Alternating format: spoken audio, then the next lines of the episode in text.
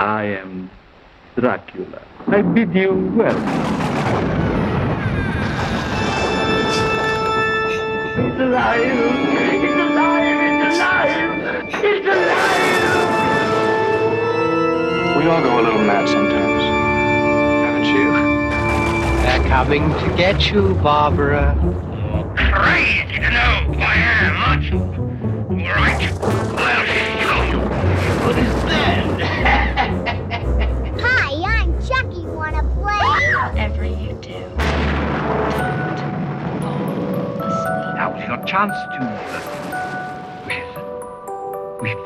God aften, mine damer og herrer, og velkommen til Det groteske kinematek. Mitt navn er Mathias Johannessen, og med meg i dag så har jeg min eh, faste cohost. Gudmund Arne Lilletveit. Du må se det på en mer skummel måte. Nei, jeg har ikke lyst. Det er mye mer Det her- skal være skummelt. Nå, vi er inne i oktober, det skal være liksom sånn vi skal begynne å Um, jeg vil kjapt før vi begynner å snakke om eh, noe som helst film, så, så, så har jeg litt lyst til å snakke om den eh, introen vi nettopp eh, hørte. Og det, er, det har ingenting med det faktum at det er jeg som har laga den. Um, bare så du vet det. Men For jeg gjorde litt research, fordi den, den åpner jo med den her eh, bakkfygen. Så den diddly, diddly. Og den har jo Det er jo kjent at folk tror at det er Dracula sin eh, sin eh, theme, eller sånn. At de, at, av en eller annen grunn at de had, tror at det er Dracula. Mm. den har jo aldri blitt brukt i Dracula, annet enn at jeg tror den har blitt brukt i en, noen spill og sånt av, som er basert på Bram Stokers Dracula og Francis Ford Coppola. Men vet du hvor den kommer ifra? Eh, hvorfor den liksom blir tenkt på som en skrekksang, eh, Gudmund? Nei, han ble vel brukt i Phantom of the Opera, ble han ikke? Ja, kanskje en Phantom of the Opera, da? Og 1925. Nei, den ble ikke der, skjønner du. Å nei! Den ble ikke det. Nei, nå- Den nå har må du fortelle. I, I senere tid så har den kanskje blitt brukt, det. Men originalt så er det faktisk ikke for Hammer sin versjon av Phantom of the Opera hvor den blir brukt. Aha. Og det er i 1962. Ah. Eh, og så har det kanskje senere brukt den i, i, i sammenheng med, med jeg, jeg tror til og med i musikalen så blir den brukt. Fordi det ble så liksom ikonisk, da. Eh, satt fast av Hammer. Men vet du hvilken film fra den tidlige horrorperioden som faktisk bruker eh, den fugen av bak? Mm, Ja, jeg er ikke helt sikker på den. Det er faktisk MGM sin Dr. Jekyll and Mr. Hyde. Real? Ja, stemmer da. Mhm. Stemmer. Ja, sånn at eh, den hører også til tidlig, tidlig 30-talls eh, så hører denne Bach sin fuge til. Uh, uten at folk vet det, i Dr. Jekyll og Mr. Hyde. Mm. Uh, og så neste sangen er jo selvfølgelig Dovre Grubens Hall, Edvard Grieg, og den er jo ledemotivet i filmen M av Fritz Lang, som man kan argumentere er en thriller eller en skrekkfilm, men det er jo et av de første ledemotivene vi har, hvor vi har Peter Lorre, som er jo en legende innenfor skrekken. Mm. Eh, og til syvende og sist så har vi jo selvfølgelig Dracula sin faktiske theme i, i filmen Dracula, som er eh, Swan Lake av uh, Tsjajkovskij. Mm. Uh, så uh, bare for å uh, fill you all in på eh, hvorfor det er så relevant i forhold til eh, skrekken. Eh, men jeg syns det var interessant at eh, folk har feiltolka den bakken til, til Dracula, så til Phantom of the Opera når den egentlig ble brukt i, i Dr. Jekyll og Mr. Hyde. Um, men det er ikke det vi skal snakke om i dag. I dag, så i double feature-programmet vårt, som er den faste spalten for denne podkasten, så skal vi snakke om eh, Ja, det er jo en eh, god double feature, egentlig. The Thing from Another World fra mm. 1951. Og eh, ja, vi kaller remaken, eller reimaginingen av denne filmen, som kom i 1982, nemlig bare The Thing. The Thing from Another World. This is the spot where it was first seen, and these are the first people who saw the Thing. How did it get here? Where did it come from? What is it? og Gudmund, hva er ditt forhold til The Thing from Another World eh, og, og The Thing? Ja, um, jeg oppdaga vel ikke The Thing from Another World før, uh, før jeg hadde sett The Thing av John Carpenter. Eh, men eh, jeg hadde jo sett deler av The Thing from Another World, for han er jo med i uh, Halloween. Uh, det filmen så, så disse ungene sitter og ser på. Uh, men, men jeg husker jo da at jeg eh, Altså, jeg, jeg hørte jo liksom rykter om at The Thing from Another World var ikke like skummel som Carpenters versjon, og at uh, de var veldig forskjellige. Eh, men uh, jeg hadde jo en periode når jeg var sånn 13-14 der jeg, jeg, jeg, jeg likte veldig godt disse her eh, 50-talls uh, sci-fi eh, chillers-filmene.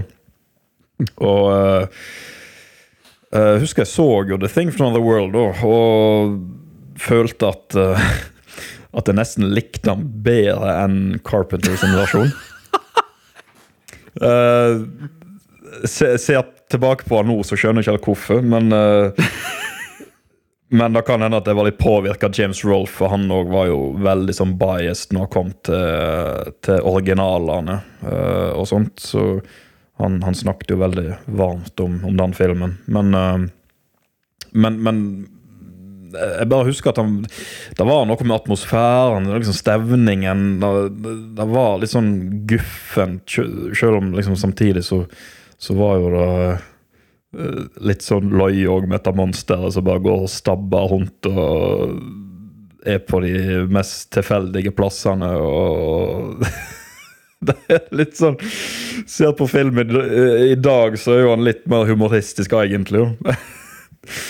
Og- det er den jo uansett. Den er jo veldig humoristisk. Ja da, det er jo det, og, og det er jo det så interessant at um, At uh, Howard Hawks var jo produsent på den filmen, men folk sier jo at det var egentlig han som var regissøren. For, mm. Men han, han lagde filmen under et pseudonym. Uh, Før står vel Christian Nyby. Uh, og det er visst ikke en faktisk person. Så uh, mest sannsynlig er det Howard Hawks, og, og, og filmen også er jo veldig sånn kjent for overlapping dialogue. uh, og det var jo noe en filmteknikk som Howard Hawks brukte veldig mye. da. Uh, så Christian mest Nyby er jo en ekte person. Er han da? Ja! Jeg har hørt at folk sier at han ikke er ekte. Nei, han er jo ekte. Det er jo bilder av han her. Ja, Men vi sier han var kjekk, da. Ok, vi sier han var kjekk. Greit. greit. Men, men jeg føler i hvert fall at uh, Thing from Another World Da, da, oser jo Howard Hawks av hele filmen. Ja, det gjør det. det, er det. uh, ja. Han er jo uncredited som regissør og uh, eh, skribent på filmen. uh, og jeg vet, jeg vet at han har skrevet store deler av det screenplayet, fordi den dialogen, det er Howard Hawks.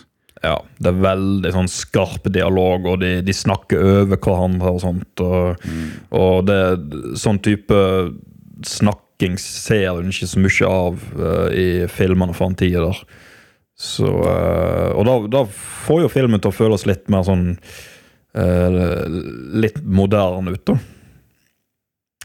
Så Men hva med deg, Mathias? Hva, hva forhold har du til Thing from Another World? Som jeg sa i, i den første episoden, som du definitivt bør gå og høre på akkurat nå, så sa jo jeg at mitt forhold til det ting veldig kort. Jeg, så den som veldig ung og ble veldig sånn påvirka, fordi det er jo en den fra 82 er jo ekstremt skremmende. Eh, hvis du er sånn syv-åtte år, så kommer det jo til å nesten ta livet av deg, liksom. Hvor skremt du blir. Så, jeg, så mitt forhold Altså, The Thing er jo basically min favorittfilm of all time Mm. eh, fra 82. Sånn at for meg var det jo naturlig når jeg fant ut at det var en remake eller, eller en reimagining av The Thing from Another World, så var det jo nesten naturlig. Og det var jo selvfølgelig også James Rolfe som jeg fikk vite det herfra, men så var det jo naturlig å gå og se uh, den filmen. Uh, og da ble jeg jo egentlig utrolig skuffa. Fordi sånn at jeg jeg liker med, med, med 82-filmen, er jo på en måte eh, paranoiaen, det at du ikke vet hvem som er, altså tingen kan være hva som helst, og Eh, og, eh, og det er jo bare ikke The Thing from Another World. The Thing from Another World er, som monsterfilmer flest, det er en big eh, alien dude som er The Thing. Ja. Og det er liksom Jeg har lest at de, de skulle ha For det er jo basert på novellen fra John W. Campbell som heter Who Goes There. Jeg vet ikke om du har lest den novellen? Nei, jeg har ikke lest den. Nei. Nei, for jeg, for jeg har lest den nemlig. Bare så jeg er sånn eh, litterært eh, jeg, leste kun den fordi jeg var så obsessed med The Thing. Men, men der er det jo veldig tydelig at The Thingen, den, den tingen, den kan liksom bli til hva som helst. Den kan, den kan Sjøl i novellen så er det liksom tydelig at det, det er ikke en, en, et monster. Det er en skapning som kan bli om til et menneske eller en hund eller hva som helst for å på en måte infiltrere. Det er jo det som er skummelt med, med Og det leste jeg at de egentlig skulle gjøre The Thing from Another World, men de hadde ikke budsjettet til det. Og det er jo fullt forståelig. Det er jo en film fra 1951 som har egentlig alle, For jeg så den jo opp igjen i går, som har egentlig ganske spektakulære eh, effekter eh, for 1951 og, og, og sånn, så det måtte jo ha vært ganske dyr, egentlig. Mm. Jeg vil jo tro det. For den har jo det der eh, helt eh, Fordi jeg, som, som jeg sa, når første gang jeg så den, så var det jo liksom Jeg ble veldig lite imponert, men når jeg så den i går, så liksom slo av lyset, det var seint, svart-hvitt, og det var det her som du snakker om, det her eh, sci-fi, horror-greiene på 50-tallet, som jeg aldri Det er det jeg kan minst om horror. Det er det der 50-talls sci-fi-greiene. Jeg har sett minst filmer av det. Men jeg kom inn i den mooden. Det var en utrolig morsom film, for det er liksom den der dialogen som er Så det er morsomt, men så blir det litt sånn creepy og litt sånn For det er liksom kaldt, og det blæs, og det er liksom Så, så jeg, jeg kom jeg, jeg, jeg likte det. Ja, Jeg likte den nå. ja. Jeg gjorde det. Nei, altså, jeg syns det jo eh, For første, jeg liker veldig godt musikken. The Thing from Another World.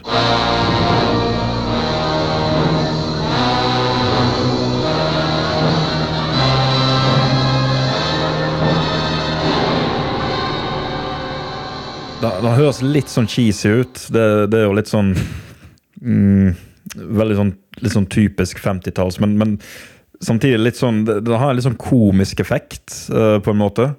Uh, men, men jeg syns òg liksom de, de, eh, de bruker stillhet veldig bra i filmen òg, av og til. Uh, du hører liksom bare sånn Du hører liksom snøstormen ute.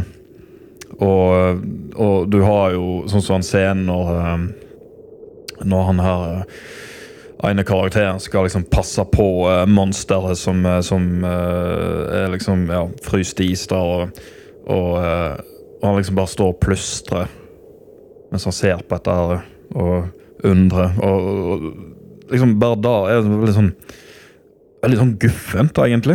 Ja. ja. Jeg ser jo at han som har skrevet musikken til det her, han er jo faktisk Han har jo vunnet sinnssykt mange Oscar, en av de mest sånn distinguished composerne i Hollywood ever. Å, Så det er kanskje ikke så rart at, han, eh, at det er ganske god score. No.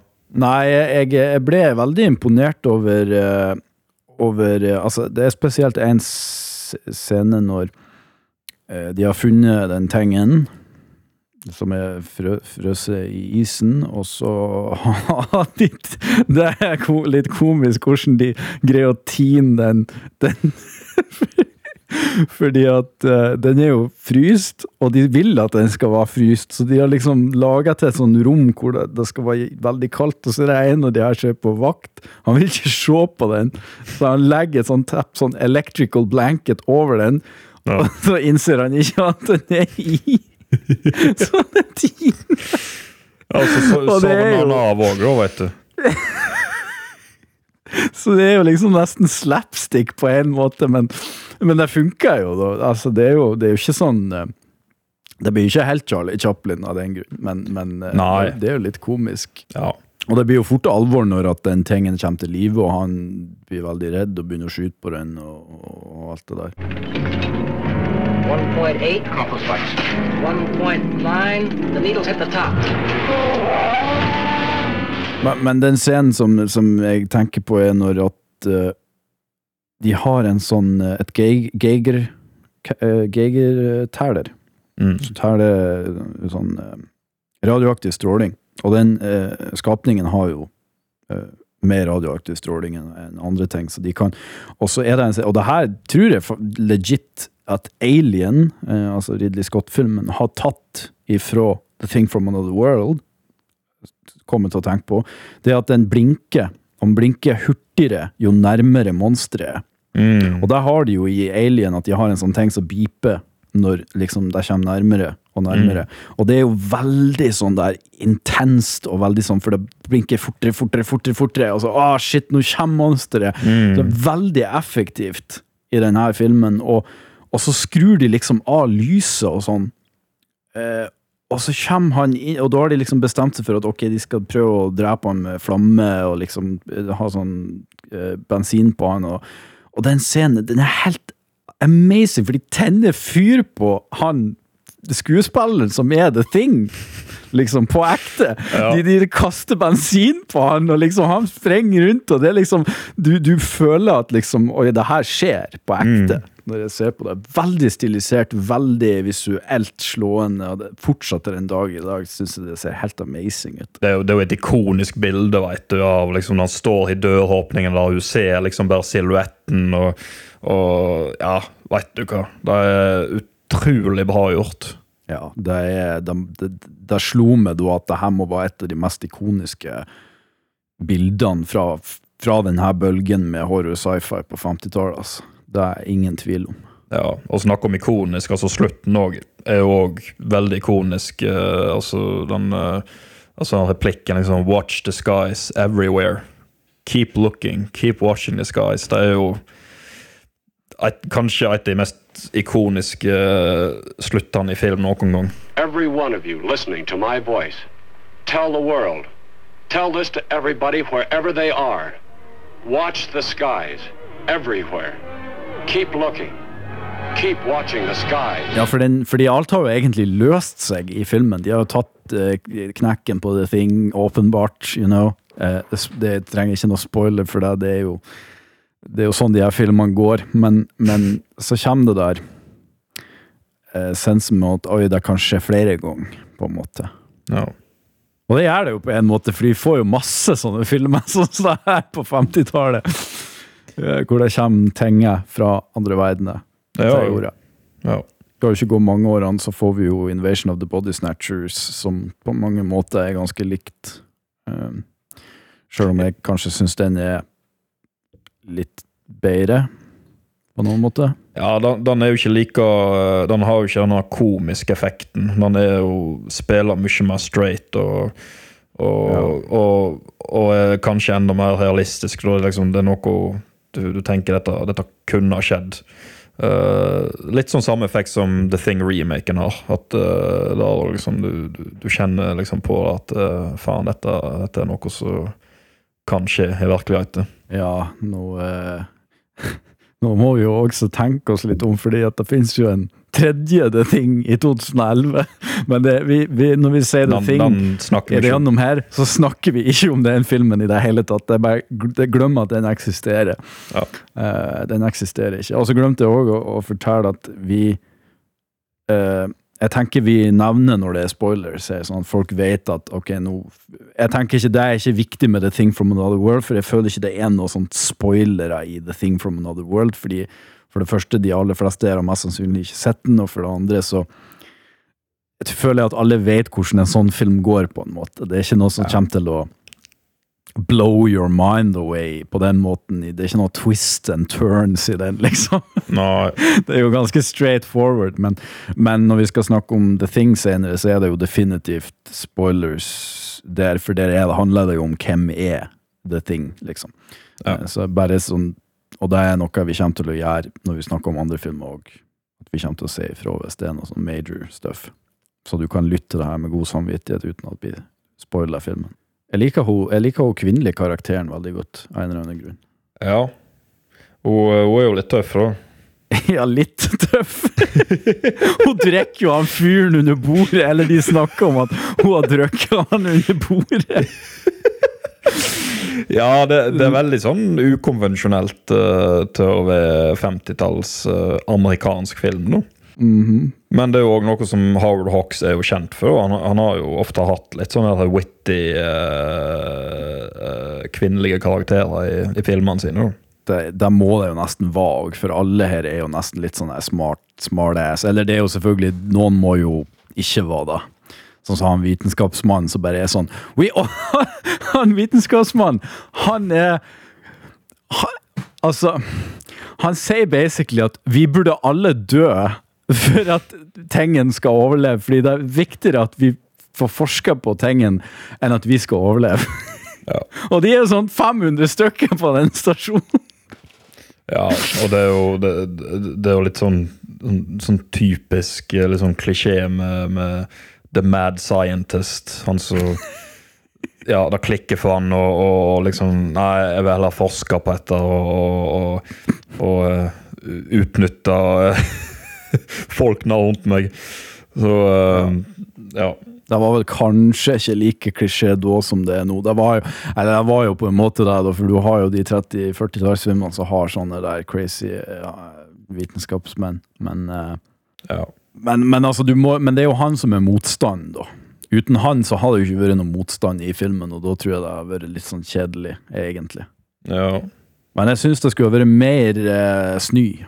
Mer utescene. Eller, Selvfølgelig vanskelig på denne tida, men jeg syns det er de beste delene. Ja, det er, jo, det er jo klart at mesteparten av filmen ble jo spilt inn på et studio, og, og de hadde sikkert ikke budsjettet til å til å heise ut på location og greier. Men, eh, men jeg er jo enig i at uh, filmen hadde sikkert blitt litt mer effektiv uh, hvis det hadde vært mer utendørs, mer ute i eh, den uh, mørke snøstormen. Men uh, det er jo noe som vi får plenty av i, uh, i Carpenters versjon. Ja, det, det er sant. Men jeg tror jo Jeg tror ikke de må være på location, for jeg tror jo noen av de scenene som er liksom, de er filma på, på sett. Det er bare at det er sånn svære sett med sånn store vindmaskiner og, og alt mulig. det. Ja. Men det koster jo penger det òg, å skal ha 40 vindmaskiner i gang, selvfølgelig. Ja. Men eh, det er jo interessant her er jo at det faktisk er kvinne kvinner på, i, med i filmen, for det er det jo ikke i, i, i remaken. Nei, stemmer da. Stemmer da. Eh, så det, og det gjør jo ikke, ikke bare det, men, men jeg føler det, det er veldig altså det På denne forskningsstasjonen her så er det, det er jo sånn 40-50 stykker. Jeg føler alle scener har sånn 40 folk som står der, altså vitenskapsfolk, liksom.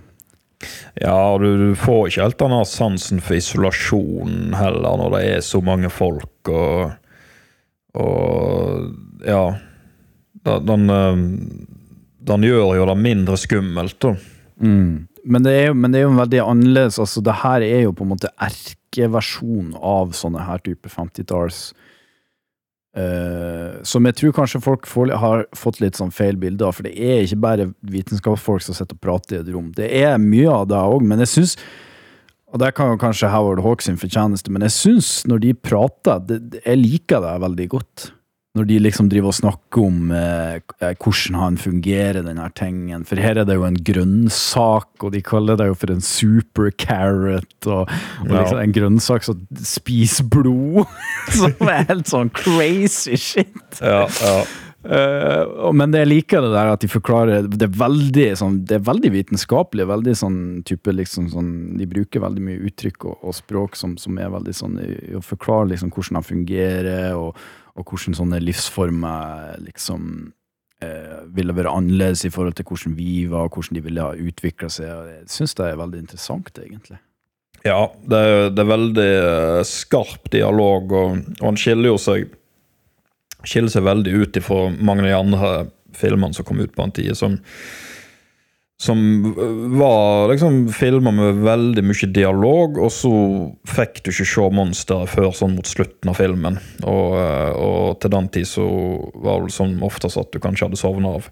Uh, for da var det ikke bra dialog, og det var veldig sånn klisjé, og det var alltid liksom en mann og en dame, og, og, og eh, et forhold der og sånt, og du har liksom en sånn typisk scene, veit du, der mannen står og, og uh, heller, veit du, og, og, og legger ut om hvor mye han elsker og sånt. og sånn, sånn type scener var jo i absolutt alle disse her eh, monsterfilmene på 50-tallet. og det, da, da gikk jo i repeat alt. Eh, så det er jo da jeg føler at The Thing from Another World er jo veldig fin. At han, han skiller seg ut. da, med at, eh, at han, han gir ikke så mye plass til de type klisjeene, i tillegg til at dialogen er bra skrevet. Og de har jo òg dette her som heter overlapping dialogue, som uh, tror var vel stort sett bare Howard Hawks som drev på med. Så, så da òg hever jo kvaliteten en del. Ja, for det er jo veldig vanskelig å kutte i eh, den type dialog når folk snakker over hverandre, og det blir veldig sånn problematisk, med mindre du har en visjon hvor du vet nøyaktig hva du vil ha ut av det. Som jeg regner med Ja. Howard Hawks har. Ja. Men jeg leste jo at de skulle egentlig ha mye mer close-ups og, og sånn type støff av, av, av monstre, men at det rett og slett ikke lot seg gjøre, fordi at da ville du sett hvor ridiculous kostymet så ut. Ja. Og det gjør jo at de må ta en del valg som egentlig er til fordel for filmen, hvor vi ser lite av monstre, men vi kanskje føler at Og så bruker de jo denne Geiger-meteret selvfølgelig til å vise at oi, nå kommer han nærmere, og det blir mer en sånn der Du føler at han kan være litt sånn hvor som helst. Ja. Eh, og det ligner jo også litt på ja, type Alien, hvor liksom Ja, alienet kan være hvor som og, og The Thing, for den saks skyld, at det kan være hvor som helst, men, men det er jo mer sånn fysisk reell eh, trussel, da. Ja, ja. Eh, Det liksom, men det tror jeg henger litt igjen fra 30-40-tallet, hvor du har det her monsterfilmene. ikke sant? Så her har vi på 50-tallet her har vi monsterfilm blanda med science fiction, Mm. som er det nye, store som kommer på 50-tallet. Det det er jo en veldig liten og kompakt film, og jeg føler jo at det er jo ikke sånn eh, voldsomt mye å si, men, men det, er- det er jo en film som virkelig skiller seg ut, og han har jo noen skikkelig ikoniske bilder, og, og da er jo sikkert eh, uh, Han har jo sikkert fått litt hjelp uh, av Carpenter, så jo han han var jo veldig stor fan av filmen, og som jeg sa tidligere, så, da, så blir jo filmen vist i halloween. Uh, og jeg tror òg han har gitt andre sånne Litt sånne nikk til den uh, filmen, så uh, Så en kan jo sikkert takke Carpenter at den Filmen er så, så kjent som han er i dag, da. Ja, for dere sa jo eh, For jeg så jo opp igjen det her James Rolfe snakka om de og det var jo han uenig med. at Han mente jo at John Carpenter hadde liksom eh, Sin versjon var så Eller han brukte jo ikke ordet, men han at, at den er så bra, eller så liksom sånn for sin tid, at den overshadower The Thing From Another World. Men dere er jo egentlig er helt enig med deg i at jeg tror, selv om James Rolfe mener jo at The Thing From Another World er liksom en, en classic, og, og, og, den, og den er jo Altså, den var jo stor i sin tid, og, alt det der, men jeg tror jo den hadde blitt glemt litt hvis ikke det var for The Thing. Ja. Tror jeg. Ja. For det kommer filmer på 50-tallet som, som gjør det den her gjorde tidlig, selvfølgelig, men som gjør det bedre. Sånn som Invasion of the Body Snatchers og andre typer filmer Mm. Som gjør deg bedre. Eh, og den perioden her Jeg har nesten aldri møtt noen eh, som er veldig opptatt av denne 50-tallsperioden. Nei, den har jo blitt litt glemt, egentlig. Ja, for det blir jo veldig mye sånn som vi snakker om, at, at eh, selv om det er filmer her som definitivt er verdt å se ifra denne perioden, men, men at det er mye sånn der Sånne saucers på fiskestrenger som drar og flyr rundt og Ja, det var et sånn. overflod av ja, store insekter og, og, og aliens og alt mulig. Og, men det var liksom det som var greia på 50-tallet. Det var eh, Det var Vi begynte å tenke på hva, hva som fantes der ute i verdensrommet. Samtidig så vi var jo inne i eh, The Atomic Age og, og, og eh, lurte jo på hva hva stråling ville gjøre med, med planeten og, og dyr og sånt. Og, så eh, ja. Ja, for det, det nevner de jo til og med i The Thing From Another World. De nevner jo den uh, Roswell uh, weather balloon-saken som de trodde var en, en, en ufo på ekte. Um, Mm. altså ufo i den forstand, altså nå vet jo ikke folk hva ufo er lenger, men, men ufo i den forstand at det er unidentified flying object. Det trenger ikke å være liksom en saucer. Nei. Eh, men men eh, Ja, nei, det var det som var inn på den tida. Så Ja. var det. Og det, og det er jo fullt forståelig, liksom. Mm. Eh, Men de, de, de filmene som på en måte Det her er jo en av de filmene, tenker jeg, som som, som, som er verdt å se fra denne perioden. Som virkelig er mer enn det du tror det er. At det ikke bare er folk som driver og prater, liksom. Og det er noen fantastiske, flotte sekvenser, og det fins en atmosfære og Og eh, ja, litt, litt skrekk. Ble du skremt når du så den her første gangen? Nei, men eh, Nei. men, eh, men litt sånn Ja, jeg vet ikke. Jeg, kan ikke si frysninger heller, men, men jeg kom jo inn i en mood. Det gjorde jeg. Ja. ja. Så ser du han i dette settingen, så, så kan filmen være effektiv på, på sin måte. Ja, det, det tror jeg vel var enig i, fordi det er jo det er jo nesten ingen av de her virkelig gamle filmene som, som er skumle i, i, i den forstand, men du, du, du kommer inn i en sånn mood som du snakker om, og det det, det er det jeg dømmer en sånn type film. Om du kommer inn i en mood eller en, har en atmosfære Ja. som er utrolig viktig, som, som, som er det viktigste. Og det fikk jeg i går når jeg så den opp igjen, eh, i forhold til når jeg så den første gangen, for da fikk jeg ikke det i det hele tatt. Nei, men øh, ja. Jeg tenker liksom den perfekte settingen. Det må være en litt sånn kjølig uh, høstdag. Uh, se han litt sånn på ettermiddagen. Ikke altfor seint på kvelden, men, men sånn at det er blitt mørkt ute. og uh, Lag deg en kopp kakao og ta med noe kjeks, så, så er det god stemning, rett og slett. Å, nå fikk jeg òg lyst på kakao. God damn. Men, eh, men eh, da tror jeg det bringer oss over til den eh, til neste film vi skal snakke om. Som er den perfekte filmen å se etter du har sett The Thing from Another World. Er å se The Thing fra 1982 Yay! eh, av John Carpenter. Twelve men have just discovered something. For 100,000 years, it was buried in the snow and ice. Now it has found a place to live. Inside. Where no one can see it, or hear it, or feel it. I know I'm human. Some of you are still human. This thing doesn't want to show itself. It wants to hide inside an imitation. It'll fight if it has to, but it's vulnerable out in the open. If it takes us over, then it has no more enemies. Nobody left to kill it. And then it's one. Som eh, feirer 40 år i år. Stemmer det. Eh, som er litt av grunnen til at vi er der, fordi den, denne filmen har jo nettopp, eller går kanskje nettopp eh, på ditt lokale cinematek. Og det er jo en film som er temmelig altså The Thing from Another World er kanskje litt vanskeligere å få tak i. Men The Thing ligger jo eh, stort sett overalt. Det er jo en 80-tallsklassiker, liksom, så den, den er jo den er jo på Viaplay, og den er på iTunes, så den er, den er overalt. Det er enkelt å få tak i. Og The Ja. Thing from Another World det er ingen plass å få tak i. Jeg, jeg husker jeg kjøpte den på DVD på platekompaniet for 10-15 år siden, og det var en dyr DVD. Den kosta 199. Så uh, ja. Den er ikke så lett å få tak i. den er, du får sikkert tak i den på platekompaniet. Spørsmålet er om, du, om det er verdt For den er sikkert dyr der. Men uh, Men det fikk meg til å tenke på de, de, den, The Thing from Another World og The Thing, den, den, den ser de faktisk på de her eh, stasjonene som de har på Antarktis.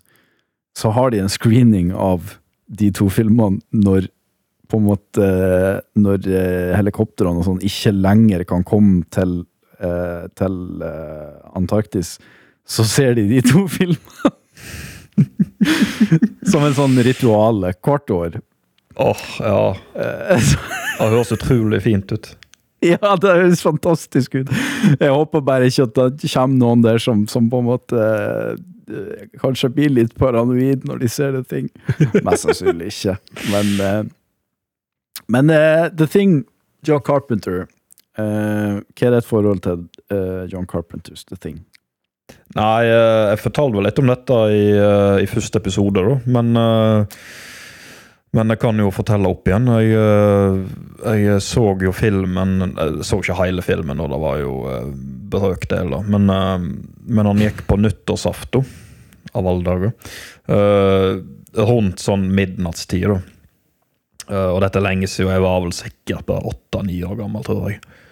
Og ja, rundt midnattstid, og da satt jeg alene i stua, og foreldrene mine drev, drev nå og farta litt fram og tilbake. De skulle gjøre klart til fyrverkeri og sånne ting. Og så eh, så så jeg da liksom eh, eh, Når jeg switcha over til den kanalen, så var det liksom rett på med et helikopter og hunden som blir jaga, og, og, og de skyter etter den. Og, og jeg skjønte jo med en gang at dette her er en film som jeg ikke har lov å se. Men eh, jeg, ble, jeg, ble, jo veldig, eh, veldig interessert i å se videre. Men eh, jeg, var jo òg nervøs for at mamma skulle ta meg. Så, så jeg, jeg satt og var liksom klar med kontrollen og switcha kanal hver gang de, de gikk forbi eller gjennom stua. Men uh, siden jeg var så ung, og det var så seint, så satt jo jeg ikke oppe lenge nok til at jeg kunne se hele filmen. Og jeg så vel kanskje bare fram til eh, ja, rundt den tida du ser The Thing for første gang, uh, inne i et uh, hundeburet. da. Uh, og, og, jeg ble jo helt sånn satt ut, veit du, hvor grusomt det var. Men, men selv om jeg var så ung, så ble jeg ikke skremt. Det var mer sånn jeg Jeg, ble fryktelig interessert i å se resten av filmen. Og, og The Thing ble jo en slags sånn mission for meg å prøve å få sett denne her filmen. Uh, jeg husker at um, det var en sånn periode sånn rundt jeg vet ikke, 2008-2009 på, på, YouTube, så var det en sånn greie at folk la ut uh, filmer på YouTube. Men uh, videoene på den tida kunne ikke være noe lenger enn ti minutter. Så, så uh, ofte så ble disse filmene delt opp i, i flere deler. Da. Sånn 11-12 deler, som oftest. Så jeg husker det var en gang jeg, jeg fant jeg fant det Thing. Uh, og, og, begynte å se på den. Men når jeg kom til sånn del fire eller del fem, så var det 18-årsgrense. Og da fikk jeg ikke sett mer. Så uh, oh. det gikk noen år, og jeg tror kanskje jeg var sånn 13 år, kanskje. Og da var det blitt litt mer sånn innafor at jeg kunne se uh, 15-årsfilmer, i hvert fall. da. Så mm. da var det en gang jeg var hjemme, vekke fra skolen, hadde feber og mamma skulle uh, til Bergen. Uh, og da spurte hun liksom ja, skal jeg kjøpe noe til deg, og noe sånt, liksom, sånn trøst da, for at jeg var sjuk. Og da kom jeg på The Thing. Gå på platekompani og finn The Thing.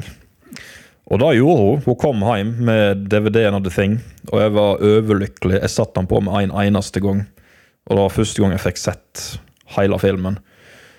Uh, og, og, litt morsomt da når mamma fortalte da at hun var på platekompaniet, så hadde hun gått og fant i kassa og spurt etter The Thing, og så var det dama som sto i kassa og så sa liksom ja, han sønnen din han han har god smak i film. det var veldig hyggelig. Ja, uff. Eh, det hørtes jo Det var det klimakset på historien altså, så mange ganger. Så mange ganger så fikk du ikke sett det nå, så ah, endelig. Alle Man skulle nesten tro at det ødela eh, filmen litt, men jeg regner jo med at du har et veldig lidenskapelig forhold til, til filmen. Jeg elsker jo han filmen, det, men det var jo det som gjorde han så bra. Og jeg hadde egentlig samme opplevelsen med halloween òg. At uh, jeg fikk aldri sett Det tok så lang tid før jeg fikk sett hele filmen. Så når jeg kom til punktet der liksom drapene eller liksom uh, liksom disse uh, når, når, skrekken begynte å skje, da, så, mm. så, visste jeg så lite, og jeg måtte på en måte bare sånn dikte opp sjøl og fantasere hva, hva, som skjer videre og sånt. Og, og ja. Og, og, det er jo jeg, jeg vil si at det er egentlig en veldig fin ting. Ja.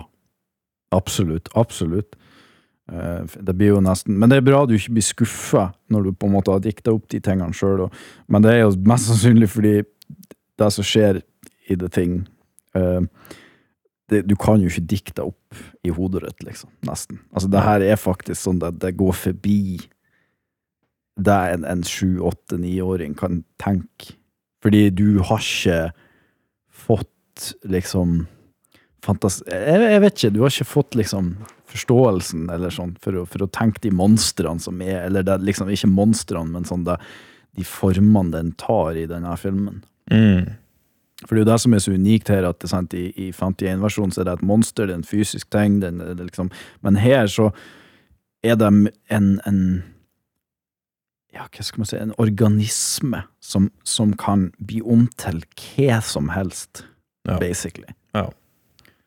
Eh, og, og det er jo han uh, Rob Bottin som har eh, special effects sånn her, og noe er gjort av Stan Winston, vet jeg òg. De er jo Mm. basically to av de beste i, i bransjen på denne tida. Ja, ja, ja. De banebrytende på 80-tallet. Som putter sin A-game inn på eh, effektene her, med en ting som blir om til en hundekakerlakk Spiderblomster Altså, liksom kjempe eh, eh, Sånn edderkoppkrabbebein ut av, ut av den, og, og altså og du får jo et altså, Da sa de jo når jeg så på commentary tracken, men det er jo noe som jeg liksom Så folk snakker om at den, den organismen Den kan ha vært på 10 000 forskjellige planeter og etterligna 10 000 forskjellige eh, vesen. Sånn at den har liksom alle de vesenene inni seg. Altså Den har ikke liksom en form i seg sjøl. Så når den, blir- når den på en måte gjør seg om, og sånn, så, så gjør den seg om til en versjon, en hybrid av alle de her tingene som den har emulert tidligere. Som jeg syns er veldig sånn fascinerende og gir det litt sånn ekstra dybde, rett og slett. Eh, det at den eh, kan være den, den har ikke noe sann form. Nei, altså, det, det er en ting, rett og slett. Ja. Det, ja, det er en ting. Og da sier de helt i begynnelsen av filmen òg, på norsk, så eh, ja. Det er ikke en bikkje det. Det er en slags ting. Det imiterer en bikkje. Det er ikke virkelig. Kom deg vekk, idioter! Det kommer jo et norsk helikopter, så hva er det der står? Det står troll? Er det det det står på det? Ja, noe sånt. Eller sånn. Og så kommer han og sier eh, Kom dere vekk, idioter! og det, jeg vil bare confirm at John Carpenter sa om han skuespilleren, så sa han eh, eh, at han var veldig god i norsk. Og han sier Og nå, det her er en perfekt imitasjon. Det, og han sier 'Kom dere vekk, idioter! Det er en slags ting! Den imiterer en bikkje! Den er ikke virkelig!' Og det er jo eh, For de som kan norsk, da, for det er jo ikke tekster, så du må jo kunne norsk eller, eller for å forstå. Så allerede der så vet du jo egentlig hva, hva som skjer. Ik ikke da at jeg tror det har så veldig mye å si, fordi der føler jeg, der, der vet du jo på en måte før du ser filmen, med mindre du ikke vet noen ting om filmen. Eh, det som blir interessant, er jo selvfølgelig hvem er tingen. Eh, det er jo det som blir mysteriet i filmen, på mange måter. Ja, for det er jo da filmen handler om. Det er paranoia og det er isolasjon og Ja. Det, det handler ikke nødvendigvis om monster og sånt, men, men liksom hvem kan, hvem kan du stole på? Hvem, hvem av oss er et menneske? Hvem er tingen? Og, eh, og, og det er jo det som er skummelt, og ikke selve monsteret. Ja, ja, absolutt. Uh, og det er jo her den, den Uh, Folk kaller jo det her en remake, men jeg, jeg, det spørs jo hva, hva du definerer som en remake, fordi det som Carpenter gjorde her, det var at han gikk tilbake til novellen. Og i novellen, som jeg sa, så er det ikke ett monster. Det er en ting, en, en, en, en sånn skapning som kan bli om til å imitere nesten perfekt alle skapningene kommer i kontakt med. Mm. Eh, Derfor har vi jo sett i begynnelsen, som du sa med den hundescenen, hvor den har Han er jo en hund i begynnelsen. Det er jo det her sekvensen med helikopteret som jager denne hunden. Og, og så kan den bli til et menneske. Eh, og den kan ja, basically bite hva som helst som den har kontakt med. Mm. Og det er jo og det er jo det som er i den novellen òg, er at det, der er det den paranoiaen, den liksom Hvem er det for noen uh, uh, Hvem har blitt infected, eller, eller liksom sånn, og, og det snakka de jo om i det commentary tracket, at, at liksom kan, kan tingen sjøl Eller kan Hvis for eksempel hovedkarakteren som er spilt av Kurt Russell, da, som heter McReady Hvis han har blitt om til The Thing, for eksempel, kan han vite at han er Tengen, eller er den Tengen så perfekt å imitere han at han sjøl ikke engang vet at han er Tengen? Mm. Altså, det, det er liksom Så det er liksom det Og hvis det er så mye, så er det klart at da er jo paranoiaen helt Den er jo fullstendig. Eh, fordi da kan du jo være paranoid for om du sjøl er Tengen, liksom. Ja da, og, og Carpenter er jo veldig god på å overføre han har uh, paranoiaen til publikum.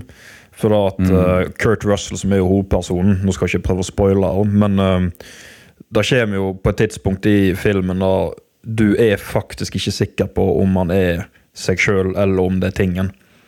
Og, og, og det er nesten sånn du begynner å lure på hvem er hovedpersonen i denne filmen. Hva, kan jeg stole på noen av disse karakterene i hele tatt? Hva, du, du blir veldig forvirra, egentlig, men på en god måte. da. Ja, ja, for vi har jo vi er vel, De er vel tolv eh, karakterer på denne eh, stasjonen på Antarktis. De er isolert. Det er eh, Ja, isolert og isolert. De har jo helikopter, og de har jo radiostasjon, men sant, etter hvert så Det som er så genialt, er jo at sant, det blir dårlig vær, så gjør sånn at radiostasjonen funker ikke, de får ikke kontakt med omverdenen. Mm. Eh, og det er noen som etter hvert så Karakteren spilt av Wilford Brimley, som er helt eh, fantastisk i en sånn rolle som biolog slash cowboy, skulle jeg si. Mm, mm. Eh, så hvor han, han skjønner alvoret med en gang, fordi han er biolog. Eh, Så skjønner han eh, alvoret av hva det her faktisk betyr. For det kan jo faktisk bety at hvis det her kommer til fastlandet, så eh, så er man, og det, det, Han driver jo gjerne en sånn computeranalyse som Ja. er så Det er så fantastisk bra. Som på 80-tallet, computeranalyse, og veldig treg animasjon av den der tingen som blir, blir om til flere ting. Og, og hvor fort eh, Hvis den kommer til, fastlandet, hvor fort blir den å ta over eh, jordkloden? Og det er sånn der 27 000 timer, så han har tatt over alle livsformer på kloden. liksom. Så han skjønner jo med en gang hva som er alvoret av det. Så han begynner jo å ødelegge helikopteret og alt som kan få de til å komme seg derifra. Eh, For han vil isolere tingene, ikke sant. Så det, Mm. Og da blir jo vi enda mer isolert og enda mer paranoide. Og, og, og, så det er Det er jo et genialt manus. Ja. Det som, er, eh, som Carpenter er så flink til her, er at sånn, vi har jo tolv karakterer, og det er jo mange karakterer, men at han er veldig flink til å på en måte være litt med alle sammen, men så liksom og når han må være med noen karakterer, så er det jo noen karakterer han ikke kan være med. Og da har jo de muligheten til å be the thing, eller liksom altså Sånn så vi kan aldri være sikre på Jeg er aldri sikker på, egentlig, og jeg har sett den filmen mange ganger, eh, nødvendigvis sikker på når de forskjellige be the thing, og hvem som altså, og, og hvordan det der har skjedd, liksom. Eh, fordi han er så god til å Han er en magiker. Altså, han får det til å se én vei, og når du har sett den veien, så har han gjort noe på en måte på den andre sida, så, så du ikke har forstått hvordan han har gjort, på en måte. Mm. Og han har jo de her eh, eh, Hva er det du kaller det? Sånn, eh, ja, fade to blacks og fade to whites i filmen, som jeg syns er veldig sånn stemningsfull, fordi du vet på en måte ikke hvor mye tid som har gått. Altså, folk begynner å bli sliten. Nobody trusts anybody now. Moralen er dårlig. Mm. Altså, du ser liksom i real time at bare vennskapene og, og hierarki og alt bare dissolver inn i, i kaos. Ja, altså det blir en veldig sånn håpløs eh, situasjon, og, og, og, og du blir på en måte liksom like oppgitt som karakterene. Altså, du, vi får jo veldig tidlig sett, og, og i løpet av filmen, sett hva konsekvensen er av The Thing. Ja. For det er jo en av de som, som på en måte åpenbart blir om til det ting, og alle på en måte eh, Han får ikke tid til å transformere seg til den personen som han overtar. Så han har fortsatt sånne klørarmer, og liksom så kommer alle sammen ut. Og de tenner fyr på han, og, og liksom du ser på om alle får sett hva, hva den tingen er kapabel til å gjøre. Den kan gjøre seg om til en perfekt kopi av hvem som helst av oss, og den kan Altså, den, den, den kan fuck you up, liksom. Den kan, altså, du vil mm. ikke eh, Og det er klart at det, det, viser til oss hva konsekvensene men viser også overfor karakterene hva som, er, hva som står på spill. Ja. Og på et tidspunkt så forlater vi jo McCready, som, som du snakka om tidligere. At, vi, at da blir vi usikre på Vent litt, er McCready er han? Og er hovedkarakteren plutselig blitt the thing, liksom? Mm. Eh, Så den gjør jo oss paranoid også. Men uh, den her blir jo ikke godt mottatt når den kom ut. Nei, den forsvant jo litt. Uh, Den, den ble vel ikke skikkelig plukka opp før, før den kom ut på, på VHS. Uh, det var vel Universal Studios som ikke var flinke nok til å promotere filmen når den skulle komme ut, og den gikk vel heller ikke så lenge på kino, så vidt jeg har hørt. Ja, så fikk den jo dårlig fra eh, Enkelte av kritikerne var jo ikke så begeistra. Eh, I ettertid har de jo selvfølgelig bytta mening, da. Ja. og, publikum har jo også bytta mening, fordi den kom vel et, rett etter ET. Ja. Og eh, det er klart at eh, da hadde jo ET basically blitt verdens største film. Eh, og den var jo veldig koselig. Og The Thing er jo så langt fra koselig som du får det. det. Det er jo liksom første filmen i apokalypse-trilogien til John Carpenter. Mm, Eh, så den, den er så langt fra ET som du får det.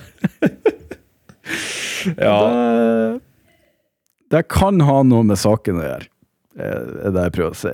Ja, jeg vil jo nesten påstå at The Thing er kanskje et av de mørkeste skrekkfilmene vi har i, uh, i arkivet.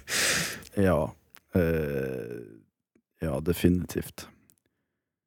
Uh, fordi eh, Spoilers, eh, here, here on out, hopp til tidskode 55 minutter og 25 sekunder.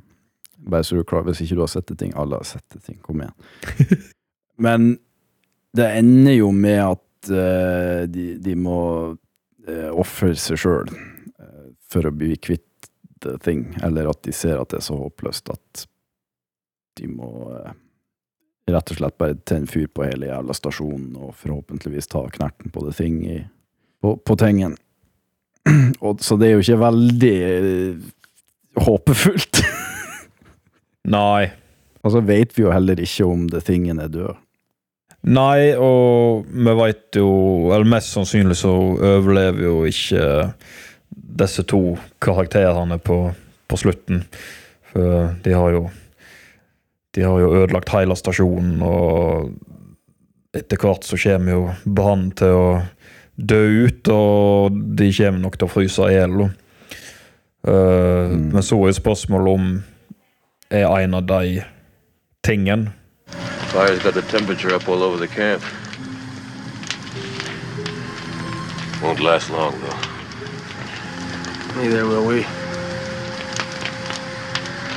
How will we make it? Maybe we should.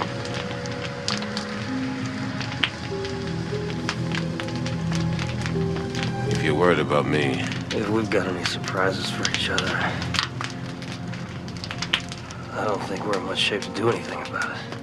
fryser seg ned igjen, og så kommer det noen og graver det opp igjen, så er det liksom Ja. Går det i en syklus. Så det er jo en veldig åpen slutt, da. Ja, for den kan jo overleve kulden. Den, den, det, det har den jo gjort før, for de finner den jo i en svær Eller de norske folkene deres, de, de, de finner jo den her frøset ned, og den blir tina opp. Og den lever fort. Det eneste som tar livet av den, er jo flamme eller eksplosjoner, eller altså varme. Så, Ja. så, det, så hvis en av de to på slutten er the thing, eller så du sier at den, den har levd, lever en eller annen plass der nede, så er jo sannsynligheten stor for at noen kommer til å grave den opp, og at, ja At det ikke blir å ende bra.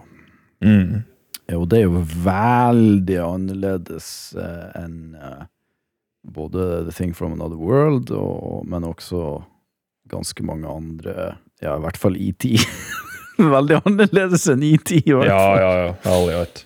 Men jeg syns jo det er jo litt interessant eh, ja, når du nevner liksom, ja, at det var nordmenn, og så, så uh, fant tingen og, og grov han opp. Og, og eh, det er jo altså Amerikanerne de, de finner jo de finner opptak som har blitt gjort, og sånt, og, og sitter og ser på dette. Og, det er interessant, er jo å se at det er jo det, det er jo nesten Bildene er nesten identiske til The Thing from Another World.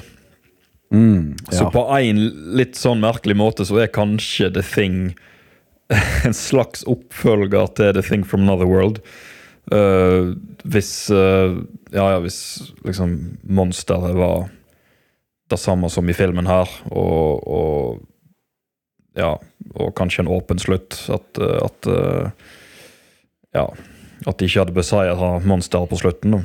Så, så kunne jo nesten Carpenters versjon fungert som en oppfølger. Ja, og nå er jo faktisk den The Thing fra 2011 er jo prequelen som følger den norske stasjonen. Ja. Eh, Da syns jeg jo kanskje de ikke burde kalt den The Thing igjen. sånn at vi har tre The Thing. Uh, Kall den The Thing 0.5, eller jeg vet da faen hva du skal kalle det. Men ikke kall det The Thing. Nei, nei. Og så har du videospillet The Thing, som er en oppfølger til The Thing fra 1982. Ja, stemmer da.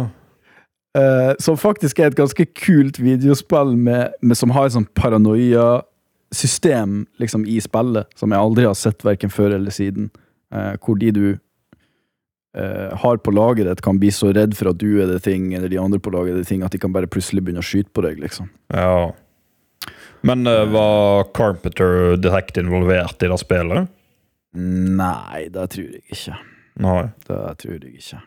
Uh, nei, jeg har tvil, liten tvil for det. Det, det. Altså, det er en oppfølger på en veldig sånn svak måte. Det, det er mer at liksom det, Jeg tror det er sånn at de kommer, og, de kommer til denne amerikanske forskningsstasjonen, og alle er døde, og eh, Ja, sant. At, at det blir litt sånn som når, når eh, Kurt Russell og de drar til den norske stasjonen, og alle er døde, og de vet ikke hva som har skjedd, og sant.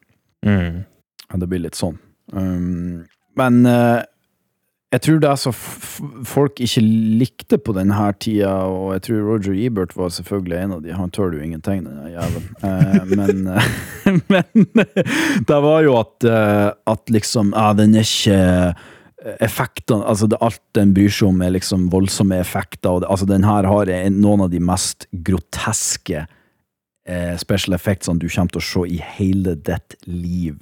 Ever. Mm. Det sier jeg bare med en gang. Sånn at det er jo en viss sannhet i det, men da misforstår de jo Altså, da har de jo ikke sett halve filmen, fordi halve filmen er jo paranoiaen. Eh, og, og veldig sånn low-key, subtle horror på veldig mange måter, sånn som The Shining er, for eksempel. At det er veldig sånn eerie, det er veldig atmosfærisk og mood. Ja. Men så samtidig er det en 80-tallsfilm hvor du har de her eh, ekstremt realistiske, helt syke special effectsene som er veldig effektiv til den dag i dag. Mm. En ting som jeg tror ingen har lagt merke til, uh, basically, men jeg fikk det med meg når jeg så commentary-tracket, det er den hunden som vi følger titt og ofte i begynnelsen av filmen. Mm. Den actingen til den er helt sinnssykt sick bra.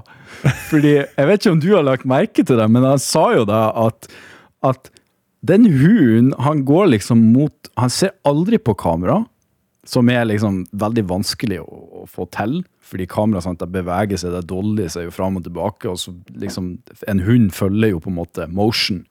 Men han ser ikke på kamera. Og, og så liksom går han fram, og han stopper opp, og han ser liksom Han er veldig sånn Altså, du får følelsen at den hunden der, den er evil. Den er the thing. Uh, og det har ikke jeg engang tenkt over engang, fordi det bare Jeg bare føler at den er the thing, men, men det er jo en hund som skal spille en rolle. Og det er jo helt sinnssykt hvor god den er. Ja, men jeg tror det har noe med øynene å gjøre, og, og, og måten at han Nesten litt sånn motorisk driver og går. og, og det, det er liksom, du, du bare kjenner på at dette er ikke en ekte hund. Så, og, og da at han liksom Ja, liksom ligger under bordet eh, liksom i, i dette fellesområdet med de andre og sånt. og og, og går og lusker rundt i gangene, og, og det er helt sånn stilt. Det er ikke noe musikk eller noe.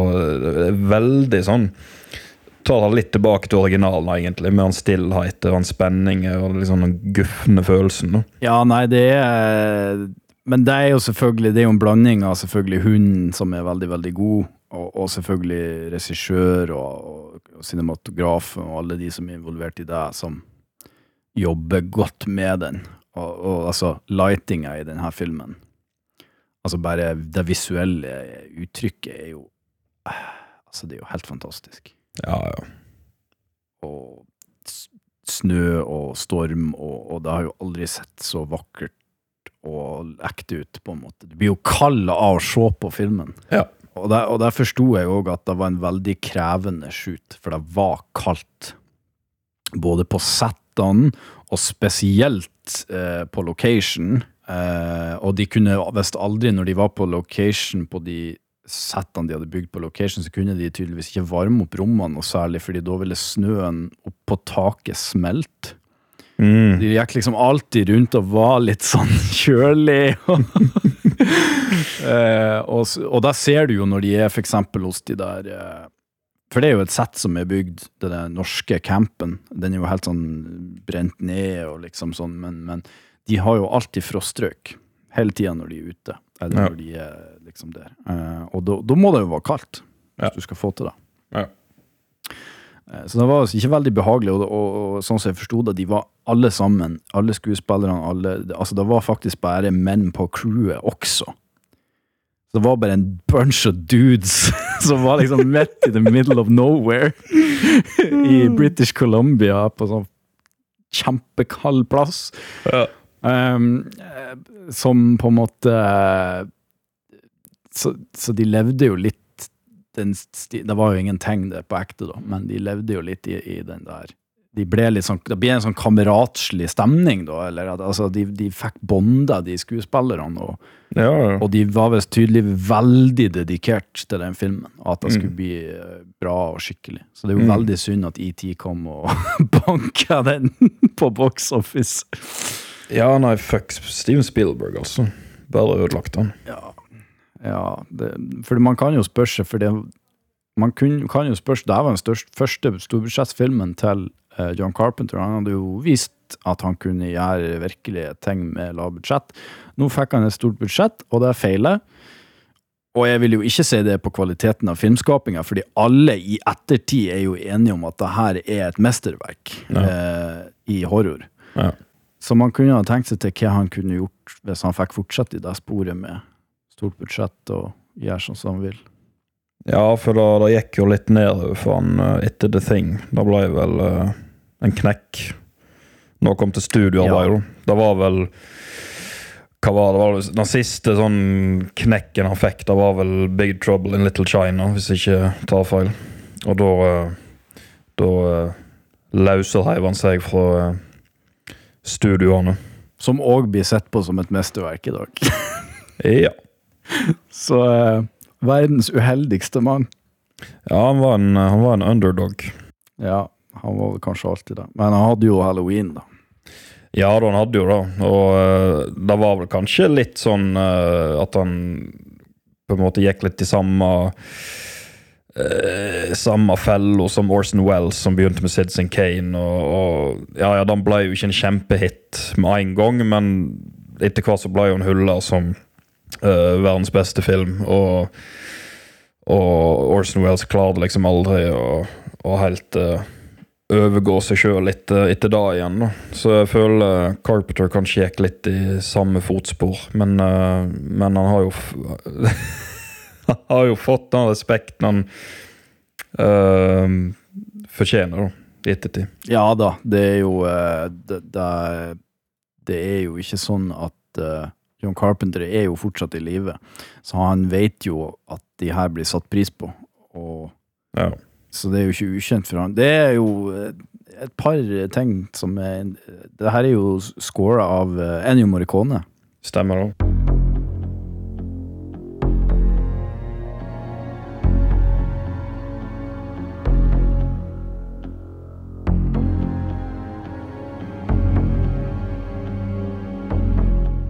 Store, store Ennio Morricone, som kjent fra Spaghetti Western med Clint Eastwood og Ah, og alt det der.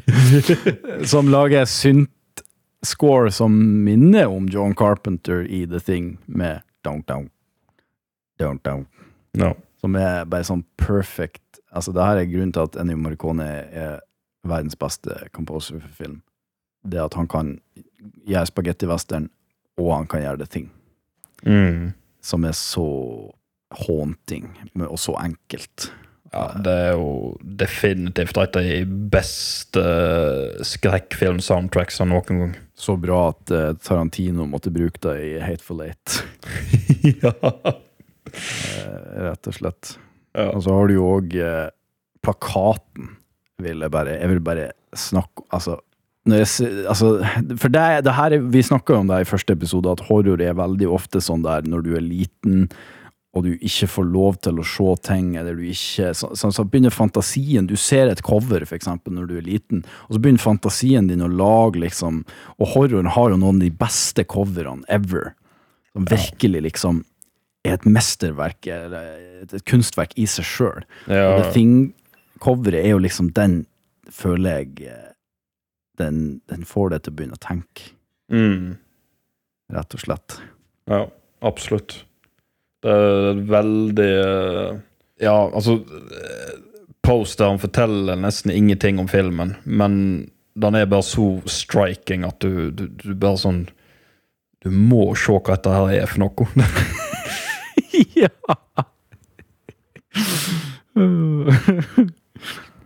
Men når du så den Når du fikk sett den ordentlig for første gangen, da ble du redd, da? Nei. Ble du ikke det? Eh, nei. Jeg, eh, nei, for da var jo jeg eh, sånn 13-14 og hadde nå på den tida sett uh, ganske mye i så ung alder. Så, um, så jeg, jeg ble aldri noe særlig påvirka av skrekkfilmene jeg så. Men, uh, men den hadde jo samme effekt som eh, som originalen, da. At uh, atmosfæren og sånt gjør jo at du, du kommer jo inn i en mood. Um, men, men selvsagt, det var jo alle disse her scenene med tingene og sånt, det var jo grusomme greier. Og, men, men for min del så begynte å bli interessert i filmlaging, så var jeg mer sånn fascinert over effektene og, og tenkte mer på sånn, da. Ja. Men eh, jeg vet ikke med deg hva du Ja, nei, jeg så den jo da jeg var syv, så jeg ble jo livredd. Det var jo, jeg trodde jo min søster skulle bli, var en ting. Liksom, så jeg var jo livredd for at liksom, folk skulle begynne å forandre seg til slimete monstre og begynne å spise meg, liksom. Så, så jeg, den er en av de mest skremmende filmene som jeg har sett. Men sant, det er jo fordi man er så eh, liten.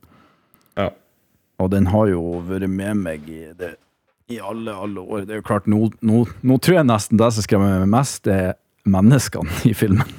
Ja, ja. Og det de er kapable til å gjøre mot hverandre, som er jo forståelig, men, men jeg, liker, jeg liker alt sånn der med liksom paranoia og, og folk som blir utrygge på hverandre. Alle sånne filmer er Ja, for det føles veldig eh, Det er jo da du på en måte blir dratt litt sånn inn i realiteten. At liksom dette her er jo noe som hadde skjedd i virkeligheten.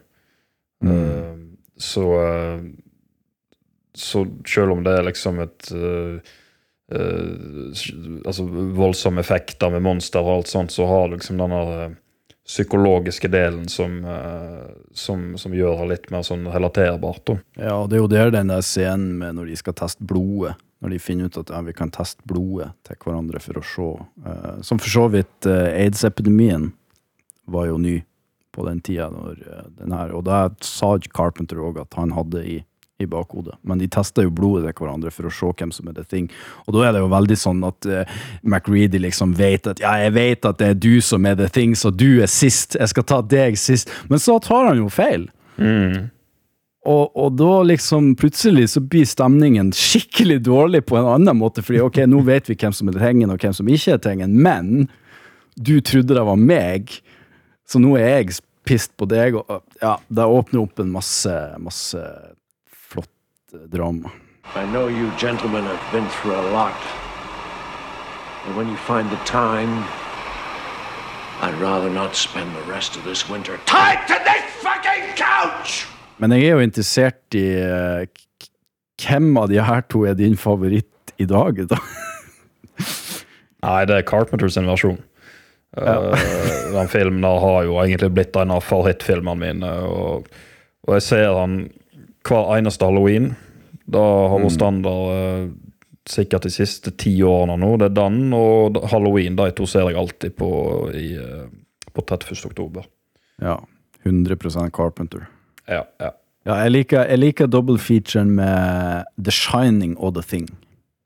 Ja. For det er veldig Det har likt. jo Det har ja, samme tematikk med isolasjon og, og vinter. Og, ja. Så de, de to passer veldig godt sammen. De gjør det. Kan bli litt mye på en kveld, men eh, Men eh, Det spørs hvem, hvem som er med, og, og hva dere er interessert i. Men, eh, men altså, det er jo uansett en varm anbefaling, regner jeg med, at, å se de, de her to. Kanskje ikke rett etter hverandre, da. Men du kan jo gjøre det òg, da. De er jo veldig annerledes, da. Ja. Nei, men eh, jeg, jeg vil anbefale å, å se Carpenter eh, sin versjon først, og så ettertid se originalen. Tror jeg er egentlig uh, beste veien å gå. Ja, det tror jeg òg. Og så helst var i en sånn type mood for en sånn type svart-hvit type film, da. Ja. Uh, for den er jo Den har ikke den der samme pacingen og den samme liksom driven som du har i The Thing, og du, du må være i den mooden, tror jeg, rett og slett. Ja. Men med det så tror jeg vi skal begynne å runde av her. Eh, dere eh, kan følge oss på Instagram, Det groteske kinematek. Eh, følg oss på Facebook. Eh, lytt til de andre episodene vi har ute. Og det er masse, masse mer å glede seg til utover i oktober. Eh, følg gjerne vår andre filmpodkast også, Klassisk, en filmpodkast. Og eh, ellers ønsker vi dere en eh, fortreffelig aften. Gå og se noen skumle, skumle filmer, og adjø så lenge. I am Dracula. I bid you well. It's alive! It's alive! It's alive! It's alive! We all go a little mad sometimes.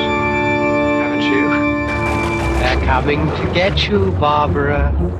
Crazy to know I am, aren't you? All right, I'll show you. What is that? Hi, I'm Chucky. Wanna play? Whatever you do, don't fall asleep. Now's your chance to. Uh, well, we've warned you.